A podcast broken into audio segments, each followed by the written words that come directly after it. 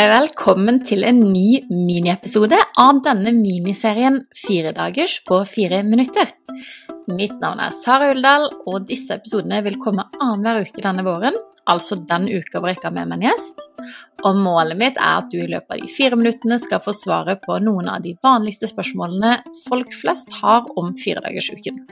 Som den norske partneren til 40 Week Global har jeg nemlig en del innsikt i hvilke muligheter firedagersuken kan romme. Og det vet jeg at mange er nysgjerrig på i disse dager. Ok, så i dag så skal jeg snakke litt om hvordan man kan øke produktiviteten. Fordi vi ønsker jo ikke å skvise fem dager med jobb inn på fire. Det ville jo fått stikk motsatt effekt av det vi egentlig er ute etter. Nei, målet er å øke produktiviteten og effektiviteten når vi jobber, sånn at arbeidsoppgavene våre rett og slett tar kortere tid.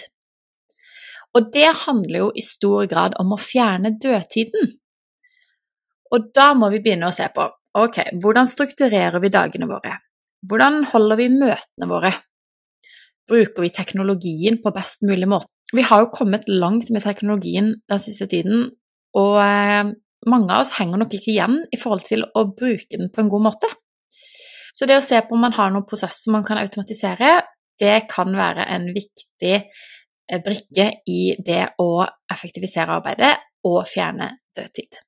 Et selskap som heter The Walk, som er et markedsføringsbyrå i Melbourne i Australia, de valgte å bytte ut sine daglige standup-møter med en mer teknologisk løsning. Så hver morgen så fikk den ansatte, når den satte seg ned med PC-en eller Mac-en på morgenen, en generert melding av en bot som automatiserer tekstbaserte check-ins via Slack. Og den botten starter da med å spørre hva står på fokuslista di i dag.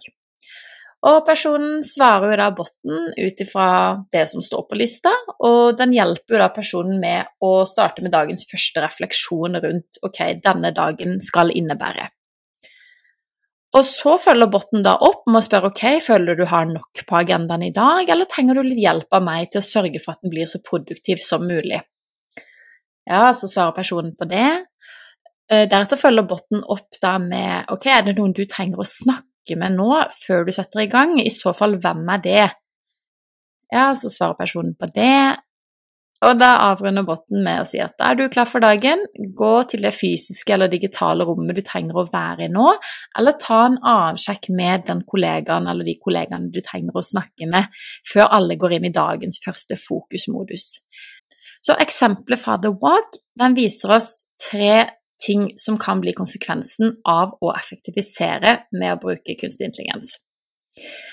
For det første så bygger de ansatte en vane. Man starter dagen med å bli bevisst på hva det vil innebære, og sette fokus.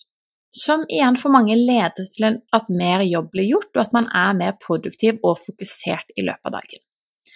Den samtalen med den botten slutter med en positiv oppfordring til handling. Er du klar? Og det er også noe som kan gi en ekstra driv for den ansatte til å brette opp armene og tenke 'yes, nå kjører vi'.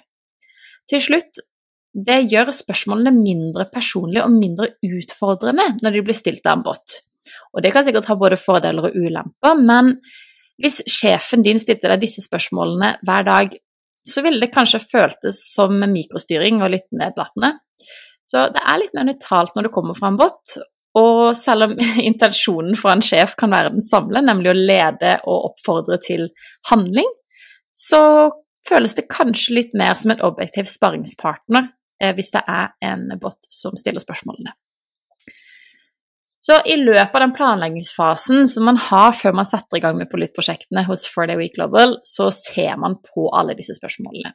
Og hvis der du jobber i dag er litt nysgjerrig på pilotprosjektene til 4Day Week, som jeg skal sette i gang med nå til høsten 2024, så er du hjertelig velkommen til å sende meg en melding på LinkedIn og si at du er interessert. Så skal jeg passe på å holde deg litt i loopen framover. Da vil jeg bare si takk for følget i dag, og håper du lærte noe nytt om firedagersyken. Vi høres!